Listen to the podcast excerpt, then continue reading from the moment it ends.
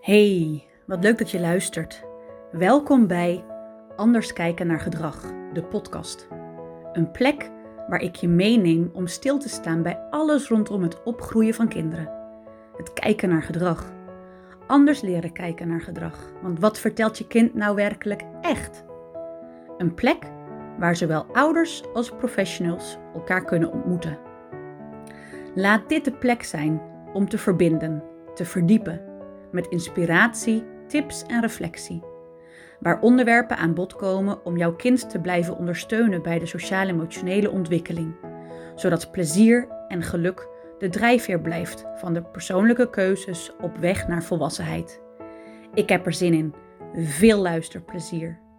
Hey, wat fijn dat je er weer bent. Vandaag krijg je een podcast te horen waarin ik dingen ga uitleggen over lichaamsgericht werken. En vooral wat nou eigenlijk lichaamsgericht werken is met kinderen. Uh, hoe dat in zijn werk gaat, wat ermee wordt bedoeld. Want wat is nou eigenlijk lichaamsgericht werk? Je hoort het nu zoveel. Um, er zijn zoveel verschillende manieren. Um, hoe kan het eruit zien? Hoe kan het eruit zien bij kinderen? Je krijgt een um, inkijkje hierin ten tijde van mijn vakantie. Ik heb um, Jip zojuist nog eens even weer op zijn zij gedraaid.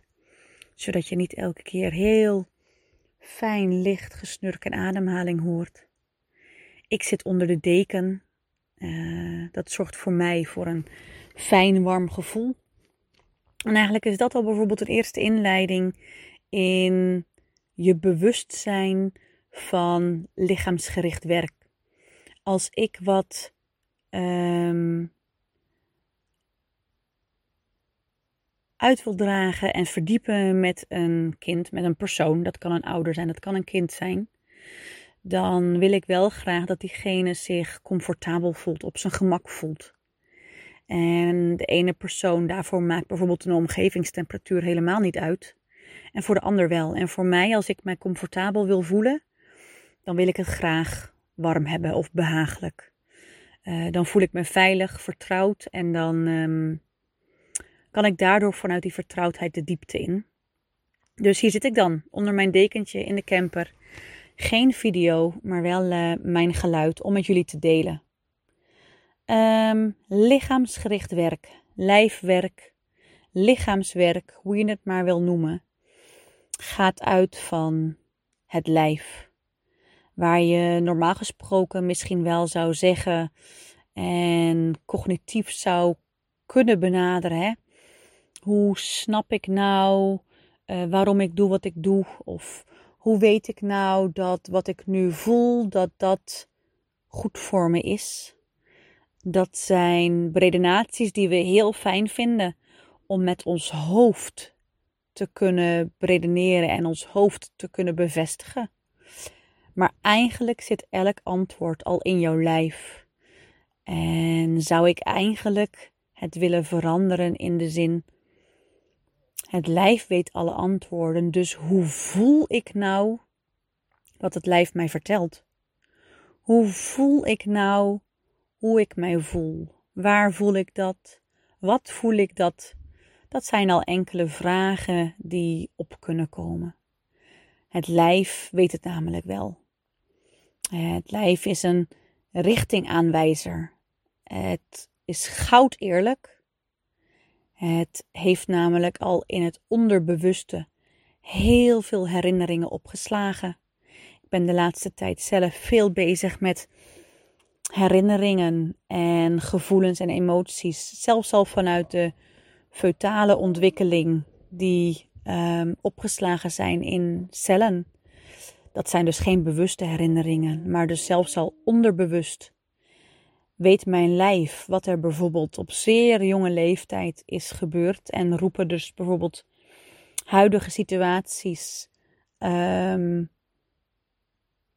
soms gevoelens, positief of negatief, op, wat onderbewust al is opgeslagen. Dus dat lijf, dat ligt niet. We kunnen dat gebruiken als richtingaanwijzer, alleen zijn we er vanaf iets latere leeftijd wel al um, verder van verwijderd dan dat we misschien wel willen. En misschien kom je het wel eens vaker tegen dat men zegt dat het kind tot een jaar of zes, zeven, soms wel eens acht jaar nog heel eerlijk is en open staat voor alle ontvankelijkheden om hem heen. Um, in contact met gevoel. En naarmate de leeftijd vordert en de mening van de buitenwereld, maar ook het besef onderdeel zijn van de wereld om hen heen. En dus onderdeel zijn van goed en kwaad, van pesterij, van erbij horen. Gaat, gaan emoties eigenlijk voor een kind gekleurd worden. En dat maakt dat misschien ook wel die directe verbinding met het lijf vanaf die leeftijd al wat vertroebeld wordt. Dat gevoel, dat is er nog wel. Jouw kind kan zich dat misschien ook nog wel inderdaad um, ophalen en naar antwoorden. Alleen gaat de mening en de erkenning of de afhankelijkheidsfactor van de buitenwereld ook meespelen. Maar weet dat gevoel, dat goud eerlijk is, dat onderbuikgevoel over of iets goed of niet goed is, dat is er altijd. Um, nou kun je bedenken, bijvoorbeeld, um, ik heb vandaag een lange rit gemaakt in de camper op weg naar deze camping en ik vind het in de camper rijden net altijd vrij intens. Ik moet opletten op het verkeer. Ik zie niet alles heel erg goed in de camper. Ik hoor enorm veel geluid om me heen van een um, straffe motor die hard werkt in een, um, nou, niet zo heel erg goed geïsoleerd stalen karkas. Uh, dat maakt dat ik al vrij snel moe ben. En ik merkte het nu, na dik twee uur rijden. Ik werd zo moe dat ik pijn kreeg aan mijn ogen. Nou, als ik dat merk, dan weet ik ook, ik moet gewoon even stoppen. En dan zijn het maar een paar minuten dat ik mijn ogen dicht kan doen. Even niet meer hoef te focussen, maar daarna luisteren en weten, als ik stop, kan ik even helemaal ontladen om daarna wel weer de focus te hebben. Dan doe ik mezelf daar plezier aan. Doe ik dat niet, dan weet ik, ik ga er overheen. En dan moet ik me misschien wel bekopen later met hoofdpijn of nog meer uit balans zijn, geïrriteerd raken. Um, en dat is dus dat onderbuikgevoel. Dat is het gevoel van hé, hey, hier moet ik wat mee. Um, zoals ik je vertelde, kan het zijn dat het kind, wij zelf als volwassenen kunnen ons daar waarschijnlijk wel mee identificeren. Het kind kan vanaf een bepaalde leeftijd meer in het hoofd gaan zitten. Denk dat je dat zelf herkent. In je hoofd heb je allerlei overtuigingen gemaakt of oordelen. Overtuigingen van onszelf, waar we goed in zijn, waar we minder goed in zijn. Oordelen van onszelf naar onszelf toe. Um, en ook van onszelf, van anderen, wat we misschien wel eens horen over onszelf van mensen om ons heen, wat we over ons horen, in vergelijking met anderen. En dat maakt dat die overtuigingen en oordelen iets van ons vinden en verwachten. Het voedt, het voedt een bepaalde angst ergens niet goed in zijn. Of het voedt een angst, um, zoals ik net met die kinderen um, je vertelde, over erbij willen horen. Dus het voedt een, een, een, een fundamentele angst van bijvoorbeeld het gevoel van afwijzing. En dat is wat wij ons voeden met die overtuigingen en oordelen. En daar weer los van kunnen komen te staan. Dat is de wens die we waarschijnlijk allemaal als volwassenen herkennen. Om, zoals we dat wel eens vaker om ons heen horen, uit het hoofd te kunnen gaan staan en weer in ons lijf te gaan voelen.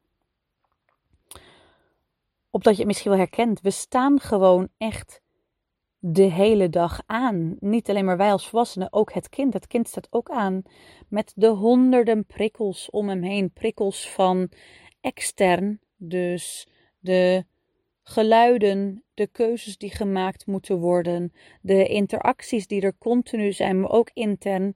Ehm, voelt het goed, maar ook heb ik honger, heb ik dorst, ga ik daar overheen, moet ik plassen, pijn, kan ik pijn voelen, um, hoe is mijn mate van stress in mijn lichaam, ben ik gespannen, waar voelt de spanning, waar hoopt spanning op, je lijf staat aan, je hoofd staat aan.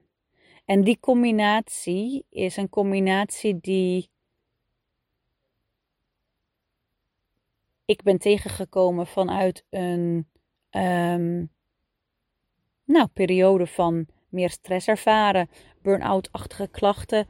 Um, waarbij je inderdaad dat zowel inderdaad op um, emotioneel, rationeel niveau voelt, maar dat ook je lichaam het voelt. Je lichaam raakt verkrampt door spanning, alsof je het wel vaker hoort.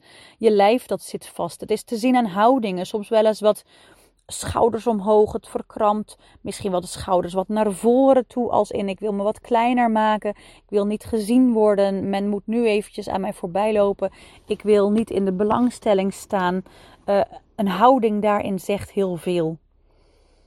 En het is ons zo aangeleerd vanuit generaties voor ons, vanuit school. Um, om ideeën en opvattingen te hebben, om meer van onszelf te vragen. Eh,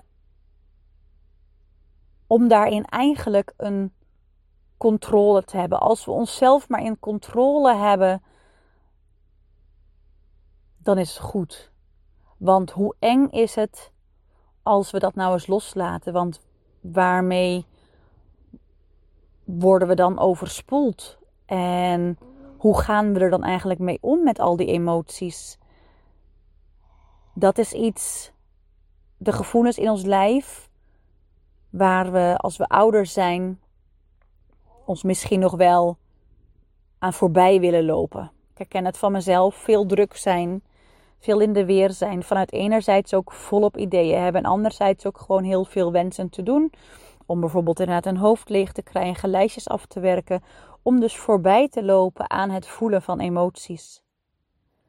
En als we dat nou als volwassenen zo goed weten, hoofdelijk, rationeel weten, en we weten dat het een opgave is om meer vanuit ons hoofd in dat lijf te komen. Hoe fijn is het dan als we dat toch bij kinderen al op jongere leeftijd continu de kinderen er bewust van kunnen maken. Dat het er gaat zijn. Hè? Dat dit in de maatschappij waarin we nu leven gaat zijn. Dat we ook cognitief ontwikkeld worden, waardoor het hoofd aanstaat. Maar dat er nog altijd een balans mag zijn van hoofd en lijf. En niet die nou, disbalans die we misschien als volwassenen toch wel veel ervaren, waarbij het hoofd veel aanstaat en het lijf uit. Ik heb het zelf al wel eens verteld. Ja, hoe kan ik nou voelen? Wat voel ik nou? Ik heb echt werkelijk geen idee. Ik weet niet hoe ik dat moet doen. Ik weet niet waar ik moet beginnen. Wat voel ik nou? Kun je het mij vertellen? Um, hoe fijn zou het zijn om kinderen daarvan bewust te worden? En laat ik vooropstellen dat er altijd een combinatie mag zijn. Ook in lichaamsgericht werk, ook in lijfwerk, mag er een combinatie zijn van van praten en voelen. Omdat praten een stukje bewustwording geeft. Een stukje bewustwording van patronen. Uh, vanuit die analyse in context kunnen plaatsen van het weten hoe je handelt. Bewustzijn van je patronen om daar ook uit te kunnen breken. En dat uitbreken, dat gebeurt dan weer lichaamsgericht. Dat gebeurt weer op een andere manier. Maar soms in je hoofd wel kunnen redeneren waarom je doet wat je doet, kan heel fijn zijn. Dat eerste stukje bewustwording um, kan via coaching en al pratend heel goed aan het licht komen. Zowel bij kinderen als bij volwassenen. Het is daarna dan weer een vraag: en hoe wil je dat integreren? En ik ga er helemaal op aan om dat te integreren vanuit lichaamsgericht werk, vanuit beweging omdat het lijf al zoveel vertelt. Omdat het lijf, zoals ik zei, niet liegt. Dat lijf is goud eerlijk. Want als je aanstaat, er is een bepaalde volgorde die je vertelt wat er gebeurt. Er gebeurt namelijk iets om je heen en dat wordt opgeslagen in ons lijf. Als dat minder prettig wordt, gaat het lijf op slot. Wordt dat vastgezet en kan je op den duur dat bewust worden met gedachten. Maar het lichaam wil het gaan loslaten. Want als je lichaam kan loslaten, dan kan dat stuk wat is vastgezet loskomen. Dus je wil je lichaam in beweging zetten om los te laten, om uit te breken. en dan zijn er de vragen: hoe maak ik mijzelf dan weer vrij door middel van mijn lijf? En dat hoofd, dat hoeft niet uit, maar het voelen van wat je lijf vertelt, daar, daarmee mag je weer in contact komen. Je mag je lijf weer in beweging brengen. En vertrouwen erop dat wat je lijf vertelt, dat dat de waarheid is. En ik herken het bij mezelf. Ik zou nog af en toe heel graag even met mijn hoofd willen bevestigen dat wat mijn lijf vertelt, dat dat de waarheid is. En steeds minder heb ik dat stukje bevestiging nodig. Wat ik vaak doe met kinderen, als ik met kinderen werk, is het kind in beweging zetten. Omdat ik van mening ben dat beweging voor elk kind vanuit plezier gebeurt. Klein en groot, allemaal willen we wel bewegen. We willen wel dansen op lekkere muziek. We willen wel springen en een gat in de lucht springen als we ergens enthousiast over zijn. Hoe leuk is het om af en toe nog eens zo'n kinderlijk spelletje te doen. Weet wat je doet als je gevraagd wordt voor een spel of met een kind in een, een, een spelsituatie te komen. Hoe je toch al wel weer meedoet. Zoals wij als volwassenen weer het kind in ons kunnen laten bewegen, zo ben ik ervan overtuigd dat het kind het kind beweegt. Het kind beweegt met plezier op zijn of haar manier. Maar beweging mag plezierig zijn. En dat kan voor kinderen de eerste inleiding zijn om meer te voelen in het lijf. Wat ik vaker in oefeningen doe, in groepsverband en soms ook één op één in sessies. Dat zijn oefeningen waarin je je kunt verplaatsen en je kunt afvragen of je bijvoorbeeld wel ruimte in durft te nemen. Of plaats je jezelf vaak achteraan in de groep. Laat je iemand anders initiatief nemen. Um, hoe ben je met samenwerking? Durf je te bouwen op iemand anders? Durf je te vertrouwen op iemand anders? Het zijn oefeningen in contact met jezelf en in contact met de ander. Want in relatie tot de ander, dichtbij of wat verder van je af, maar gebeurt er een hele hoop in je eigen lijf. En soms kan het al gezien worden in als iemand anders je nadert dat er een oppervlakkige ademhaling komt. Of dat die schouders wat omhoog gaan staan. Of dat je je klein gaat maken. Of misschien zelfs wel een stapje naar achteren zet. Dus in relatie tot de ander gebeurt er bij jezelf heel erg veel. En de kunst is dat wat er ook gebeurt, jij bij jezelf kan blijven. Een bepaalde dapperheid. Jij mag bij jezelf blijven en voor jezelf opkomen kun je dat dan ook? En in beweging zijn, in loslaten, in dansen, in aanraking, beweging met het kind, beweging samen kan een welkome afleiding soms zijn. Een afleiding van praten. een inleiding om je bewust te worden, om te verdiepen middels beweging. Of juist een inleiding om de verdieping op te gaan zoeken, maar als het heel spannend is, om eerst in de oppervlakte te bewegen.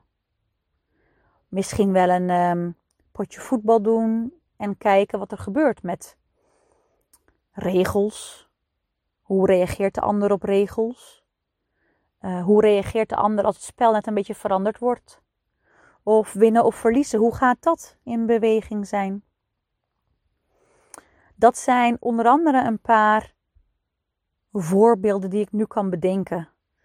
Um, wat bij kinderen, als we het specifiek hebben over lichaamsgericht werken bij kinderen, is dat we altijd bij kinderen mogen nagaan, anders misschien dan bij volwassenen, maar het is altijd een afstemming op de ander, dat we het vanuit een ethisch aspect naar kinderen toe brengen. Uh, dat we het brengen vanuit een bepaalde, hè, wat ik al zei, bewustwording. Um, een inleiding naar een groeimindset, een inleiding naar positieve gedachten, een inleiding naar bewustzijn en dat wat er wel is. Um, opdat we wel heel voorzichtig mogen zijn bij de verdiepende laag op te zoeken. Uh, om daarbij oefeningen aan te reiken die wel bij de leeftijd passen van het kind. Want hoe verdiepend kunnen we ingaan bij het kind en um, hoe confronterend mogen we zijn bij oefeningen? Daar is geen standaard in te geven. Daar is Daar is het in verbinding voelen hoe het kind reageert op dat wat gedaan is. Afstemmen met de ander, hoe ver je mag gaan. Hoe ver je mag gaan als het onderwerp bijvoorbeeld gaat over pesten. Kan ik woorden gebruiken die misschien wel heel confronterend zijn? Of is een kind daar nog helemaal niet aan toe? En wanneer ligt bijvoorbeeld hertraumatiseren op de, op de loer? dat willen we ten alle tijden voorkomen. Dat als iets weer opgehaald wordt, ehm, dat dat niet het gedrag en de gevoelens verergert.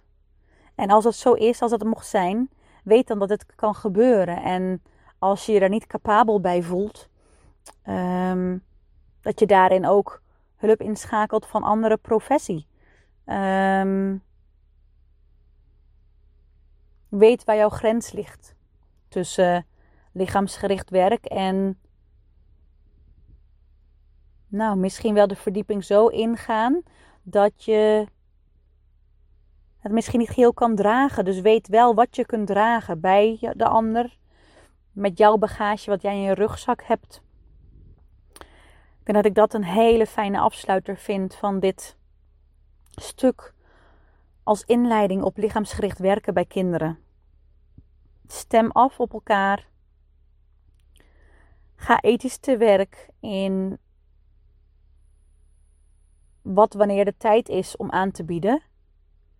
Want weet dat plezier en beweging voorop kan staan om al in verbinding te komen met het kind. En om dan vanuit die verbinding één op één of in groepsverband het kind is uit te dagen in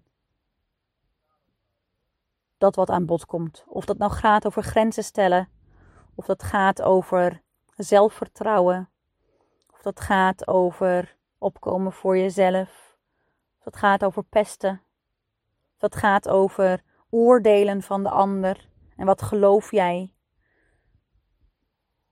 Daarvoor is lichaamsgericht werk een enorm mooi uitgangspunt. En ben ik ervan overtuigd dat ik vooral bij kinderen op die manier hen bereik. Meer nog dan alleen praten. Dat kan een mooie inleiding zijn. Maar omdat kinderen nog wat meer in verbinding staan met het lijf, of die connectie nog wat sneller weer kunnen maken, de balans tussen hoofd en lijf iets makkelijker te vinden is, hoop ik die bij kinderen van waarde te kunnen behouden. Hoop ik bij kinderen uh, ze bewust uh, worden van die balans. Dat het uitschieten naar het hoofd er soms kan zijn. En dat je weet dat je weer terug mag afdalen naar je lijf. En hoe. En hoe dat te doen. Wat bij jou past om weer dat lijf te leren voelen. Want dat is voor iedereen verschillend. En dat kan ook per fase verschillend zijn waarin je verkeert. Waarin je verkeert in wat je aan kunt, waar je behoefte aan hebt. Um, het lijf liegt niet. Het lijf is goud eerlijk. Jouw lijf ook. En als jij nou moeite hebt met voelen nu, dan reik ik hier mijn hand uit naar je. Dan mag je altijd contact opnemen. En ik zal mijn luisterend oor bieden. Opdat jouw lijf niet liegt. Mocht je vragen hebben over bijvoorbeeld de workshopreeksen die ik kinderen aanbied. Van een jaar of acht tot twaalf. Misschien zelfs wel komt er een, een workshopreeks aan voor het jongere kind. Over um, grenzen aangeven. De introductie op persoonlijk bewustzijn. Uh, opkomen voor jezelf. Wie ben je? Maar bijvoorbeeld nu ook over het volle hoofd. Jouw volle hoofd. Mocht je daar interesse in hebben. Um, kom met me in contact. Ik, ga, ik kan je er veel over vertellen. En uit ervaring bij de reeksen die ik heb gedraaid en het zien van de kinderen, dan weet ik dat deze combinatie goud is voor het kind. Dus lichaamsgericht werken met kinderen, dat kan zeker. Ik ben er een voorbeeld van en ik um, verdiep me er graag in. Ik vertel het je en jouw kind mag het jou vertellen wat hij of zij ervaren heeft. Dankjewel voor het luisteren. Dit was alweer een um, mooie introductie over lichaamsgericht werk met kinderen. Fijn dat je er was en tot de volgende keer. Deze podcast wordt gemaakt door Liefsteling. Liefsteling Kindercoach. Ik ben een enthousiaste, eigenzinnige creatieve deurval. Graag kom ik met je in gesprek over dat wat jij beleeft, jouw ervaringen en strubbelingen. Je kunt op Instagram met me in contact komen door me een berichtje te sturen. Mocht je de podcast van waarde vinden, dan zou ik het super leuk vinden als je een korte review achterlaat of mij tagt in jouw story. Zo weet ik wie er luistert en waar jullie van aangaan. Tot de volgende keer en een liefste groet, een dikke knuffel voor jouw liefsteling.